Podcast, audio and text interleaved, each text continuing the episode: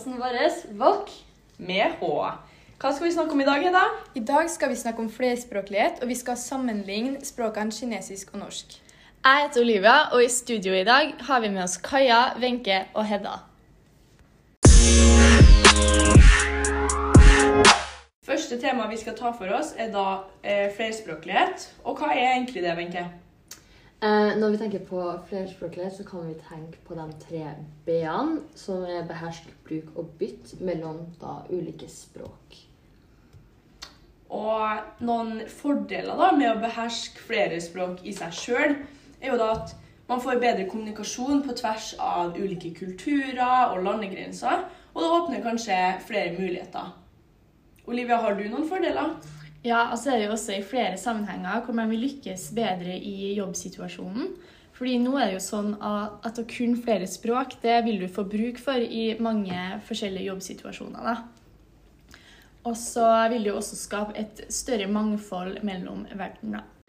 Og angående mangfold, så vil det bli eh, mer mangfold i de ulike landene og mer forståelse for ulike kulturer om vi snakker flere språk, fordi da vil vi få en slags forståelse for ulike kulturer og måte, hvordan de gjør det i de ulike landene. Eh, og det vil kanskje skape da mindre rasisme, fordi vi forstår mer hva andre gjør, og vil da ikke dømme folk like mye etter på en måte hva vi ser utenfra. Og det vil også bli bedre å bo i Norge for f.eks. flyktninger, fordi vi forstår mer hva de liksom, hva de tenker, og hvordan syn de har på forskjellige ting, da. Ja, og nå som vi på en måte er inn på eh, kinesiskspråket, så er det jo verdt å nevne at Asian hate er jo ganske stort i verden. Kanskje ikke like stort i Norge, men det er jo også et problem her òg. Og ved at eh, flere lærer seg f.eks. kinesisk eller da andre språk, så, sånn som du nevnte, Hedda, så hjelper det å bekjempe rasisme og skape eh, mangfold. Og forresten, visste dere at eh, å klare å beherske flere språk kan forebygge dement? Seriøst? Det visste jeg ikke. Jo, fordi det skaper hjernetrim når du snakker flere språk og øver deg på ulike ord på ulike språk, som forebygger demens. Ja, vi kan da starte med å se litt på sammenligning av to språk. Vi har da valgt å sammenligne kinesisk og norsk, fordi kinesisk er det fremmedspråket alle her i studio i dag har, og norsk er jo da morsmålet vårt. Kaja kan jo starte med å fortelle litt hvor de to språkene stammer fra. Ja, jeg kan først og fremst eh, snakke litt om kinesisk. Og den, eh, det språket tilhører den sinotibetanske språkfamilien. Og det er faktisk den nest største språkfamilien i verden. Um, og den sinotibetanske har da sitt opphav i Asia. Og det omfatter ca. 340 forskjellige språk. Um, og de her språkene kalles da ofte tonespråk. Som du sa, Kaja, så tilhører kinesisk eh, til den sinotibetanske språkfamilien. Men hvor tilhører da det norske språket igjen? Det kan vel du svare på, Hedda? Ja. Det norske språket ligger inne i den indoeuropeiske språkfamilien og innad i de germanske og nordiske greinene. Og den indoeuropeiske språkfamilien er da verdens største språkfamilie. Eh, og en av grunnene til det er pga. koloniseringa på 1700-tallet, der eh, land fra Europa spredt seg rundt i hele verden, sånn at de her språkene ble prata mye mer rundt i hele verden. Siden de to forskjellige språkene kommer fra to forskjellige språkfamilier, så er det veldig åpenbart at det er to forskjellige alfabet. Vi ser da i det kinesiske språket at de har noe som heter hansi, som er kinesisk skrifttegn. Det vil si at de bruker eh, typ symboler og tegn eh, til å beskrive hendelser og sånt som skjer. Mens og så har de også noe som heter pinyin, som er da skriftspråket som er forenkla. Og da bruker de eh, bokstaver, eller ja, bokstaver som vi bruker da, i det norske språket. Ja, og som kanskje de fleste vet, så er jo, tilhører det norske språket det dansk-norske alfabetet. Og det her alfabetet bygger da på det latinske alfabetet. Og så kan vi gå litt over til tonasjon, og da skal vi først se på det kinesiske språket. For det kinesiske språket har fire forskjellige toner pluss en naturlig eller nøytral tone. Og eh, alle dem har helt forskjellig betydning. Et eksempel på det her, eh, så kan vi jo se på tone 1 og tone 3.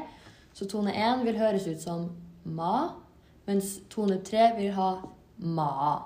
Begge de her to eh, betydningene skrives på samme måte, men det er helt forskjellige betydninger på selve ordet. Fordi tonen er med på å bestemme hva ordet skal bety. Så som Wenche sa, så har forskjellige tonasjoner i ordet forskjellige betydninger. Så kinesisk er da et talespråk, som vil si at skriftspråket uttrykker de meningene og de refleksjonene som kinesere opp gjennom tidene har uttrykt. Eh, og så kan jeg ta for meg litt om eh, tonasjon innenfor det norske språket. Vi har på en måte tre hovedområder, som er trykk, intonasjon og rytme. Trykk er jo da at vi setter ulikt trykk på ulike, ulike steder i ordet, og det kan hjelpe oss med å uttrykke meninger og følelser. Intonasjon eh, handler litt om hvordan eh, vi på en måte eh, Hvilke toner vi har innen ulike samtaler. Så i normal tale så går setningsmelodiene opp etter leddsetningene. Og i slutten av setninga så slutter den enten i normal høyde for tonegangen til ordet eller ordgruppa. Setningsintonasjonen går ned for å vise at man er ferdig med å snakke om et bestemt tema. Og ved spørsmål f.eks. så går melodien opp til slutt. Og det her er jo kanskje da med på å vise at vi er eh, interessert f.eks. i å vite. Um, og ved oppramsing så går melodien opp etter hvert ord eh, eller ledd som blir oppramsa og ned ved siste ledd i oppramsinga. Litt sånn som jeg snakka i stad, at, um, at um, det går ned når du er ferdig med et bestemt tema, da. Eh, og så det tredje temaet innenfor tonasjon i det norske språket er jo da rytme, og det handler litt om stavelser. Ja. Også slik som i kinesisk, så bruker jo det norske eh, talespråket og skriftspråket også på en måte tegn over bokstavene, og det er også med på å bestemme meninga til ordet, men ikke i like stor grad som kinesisk. F.eks. hvis du setter en slags apostrof over en i tallet én, så vil du da dra litt mer på én og få ordet én i stedet for én. Frem til nå eh, så har det jo vist seg at det norske og det kinesiske språket er veldig ulikt. Men én ting som faktisk er veldig likt, er setningsoppbygginga. Eh, og Olivia, kan ikke du si litt om den norske setningsoppbygginga? Jo, den norske setningsoppbygginga går på den grunnleggende ordstillinga, hvor vi da setter subjektet først, så verbale, og så objektet. Og Hedda kan jo komme med noen eksempel. Ja, vi har jo for eksempel eksempelet 'jeg spiser mat', der vi har subjektet først, og så verbale, og så direkte objekt. Der subjektet er 'jeg', verbale er 'spiser', og direkte objekt er 'mat'. Eh, og måten vi klarer å finne ut hvor som er hva, er at man først sjekker verbale og hvor det er, og så finner man ut subjektet, og så direkte objekt. Eh, det grunnleggende ordstillinga som er i kinesisk, er jo den samme som vi har da i det norske språket, som er da som sagt subjekt, verbal og objekt. Så en setning på kinesisk, og chi chi wo, betyr det samme som eksempelet Hedda kommer, som betyr eh, 'jeg spiser mat', hvor wo er subjektet, og chi er verbale, og chi wo er da direkte objekt. I det kinesiske språket så kommer underordninga foran det som står til, f.eks. 'min kopp' eller 'to trær'. Og det vakre med peninsystemet er at uttalen er helt forutsigbar. Når man har mestra det, så slipper man å slite med unntak fra regelen. Over til vokaler og konsonanter. Når jeg skal snakke om det her og det kinesiske språket, så tar jeg da for meg pinyin-alfabetet. Så i kinesisk, i det pinyin-alfabetet, så har vi seks vokaler. Og det er da A, O, E, I, U og en U med to prikker over. Eh, og det er også forskjellige lyder som på en måte legges dem her, da. Og så i konsonantene, eller konsonantene, de oppgjør da resten av bokstavene. Men det er også pluss lydene sj, sj og sj. Em, og det her er på en måte noen ekstra konsonanter som bare mandarin har, da. Og da kan Wenche snakke litt om de norske vokalene og konsonantene. Uh, ja, uh, vi har da ni konsonanter i det norske språket. Uh, A, E, I, O, U, Y, Æ, Ø og Å. Og Æ, Ø og Å er da liksom særtrekk da med det norske vokalsystemet. Og konsonantene er da resten av bokstavene. I det norske språket bøyer vi ordene etter nesten alt. Og det er en av grunnene til at det er så vanskelig å lære seg norsk. Det bøyes f.eks. etter kjønn, som i hanskjønn, hunnkjønn og intetkjønn, der alle får forskjellig bøyning i de ulike tidsrommene. Det bøyes også etter tid og om det er entall eller flertall, eller ubestemt eller bestemt. Em, for kinesisk så er det her helt motsatt. Eh, kinesisk er et isolerende språk, og det er veldig lett å lære seg, sies det da. Det er et kjønnsnøytralt språk, helt uten bøyninger. Man bøyer ikke etter kjønn, man bøyer ikke etter tid, person eller tall eller noe. På kinesisk blir ofte de voksne menneskene adressert med ærestitler. Eh, Det kan f.eks. være baba istedenfor pappa, eller laoshi istedenfor lærer. Hvis læreren din da heter Bai, så er det veldig vanlig at du refererer til han som Bai Laoshi. Eh, når du reiser da til Kina, så er det veldig viktig å være høflig, spesielt mot eldre. Og da kan du si sånn f.eks. 'tusen takk' eller 'vær så snill'. Eh, eller 'che chen ni', som er da på kinesisk, som betyr 'tusen takk'. Ja, og på norsk så har det blitt svært uvanlig å bruke høflighetsformer. Før i tida, særlig når vi var i union med Sverige og Danmark, så var det vanlig å bruke de og dem, men nå har det blitt endra til at man stort sett bare bruker du og deg. En artig ting da med Norge er jo at eh, når vi er i fjellet, så eh, har vi en tendens til å være veldig mye mer høflige enn hva vi hadde vært på gata eller på bussen. Og dette er jo da et særtrekk med Norge i seg sjøl, da. Vi diskutert og prata litt om flerspråklighet og fordeler med det, og også sammenligna språkene kinesisk og norsk. Og vi har kommet med noen tanker rundt det. En av tankene vi har eh, satt oss til, er det at det faktisk virker lettere å lære seg kinesisk. Og det her er jo noe som også er bevist, men det som kanskje er det vanskeligste med å lære seg kinesisk eller mandarin, da, er eh, sk sk skriftspråket deres. Eh, talespråket er det som på en måte skal være så lett. I forhold til f.eks. det norske, som sies å være et av de vanskeligere å lære seg. Mm. Og vi ser jo det som når innvandrere eller flyktninger kommer fra land som Kina, så syns jo de det er kjempevanskelig å lære norsk. Men for oss som har hatt kinesisk i to måneder, så har det jo det vært ganske greit. Ja, jeg har jo f.eks.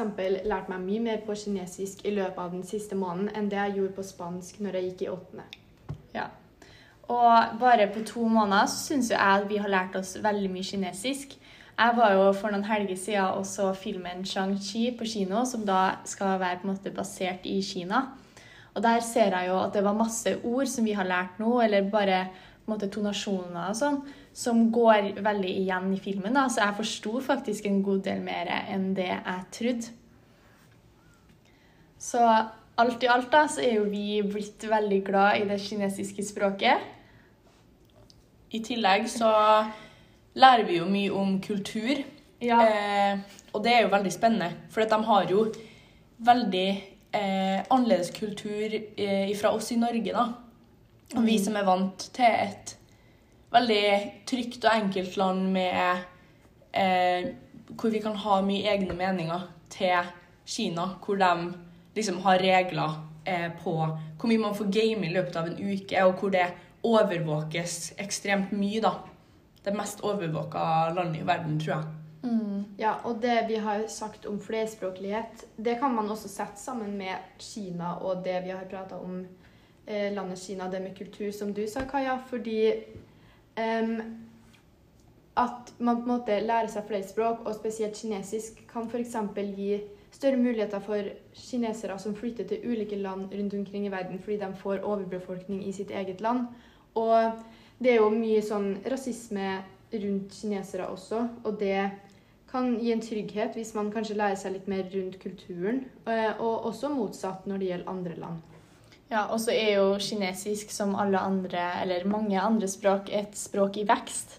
Og vi som bruker teknologi så mye, vil jo se kinesisk kanskje mye mer enn det vi tror. Som f.eks. appen TikTok er jo en kinesisk app. Og det er jo sikkert mye innpå der, mye mer enn det vi får med oss som foregår på kinesisk. da. Så da er jo egentlig kinesisk et veldig lurt språk å kunne til framtida. Så det er ikke bare engelsk vi bør lære oss. Ja, det er jo veldig mange som eh, snakker kinesisk, og derfor, som du sier, så er det jo viktig at vi kanskje lærer oss det hvis vi vil ha på en måte eh, søke jobb og sånt. Fordi Kina er jo sånn veldig stor eh, business Innenfor business er det ganske stort da, i Kina.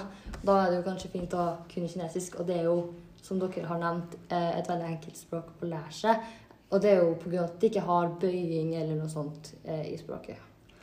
Eh, og ja, jeg tror, jeg tror at som dere egentlig begge sier, så tror jeg at det settes eh, veldig mye fokus på det å lære seg engelsk, fordi det er så mange som snakker det. Men kinesisk er jo det språket, eller mandarin, da, som eh, snakkes av flest som morsmål, da.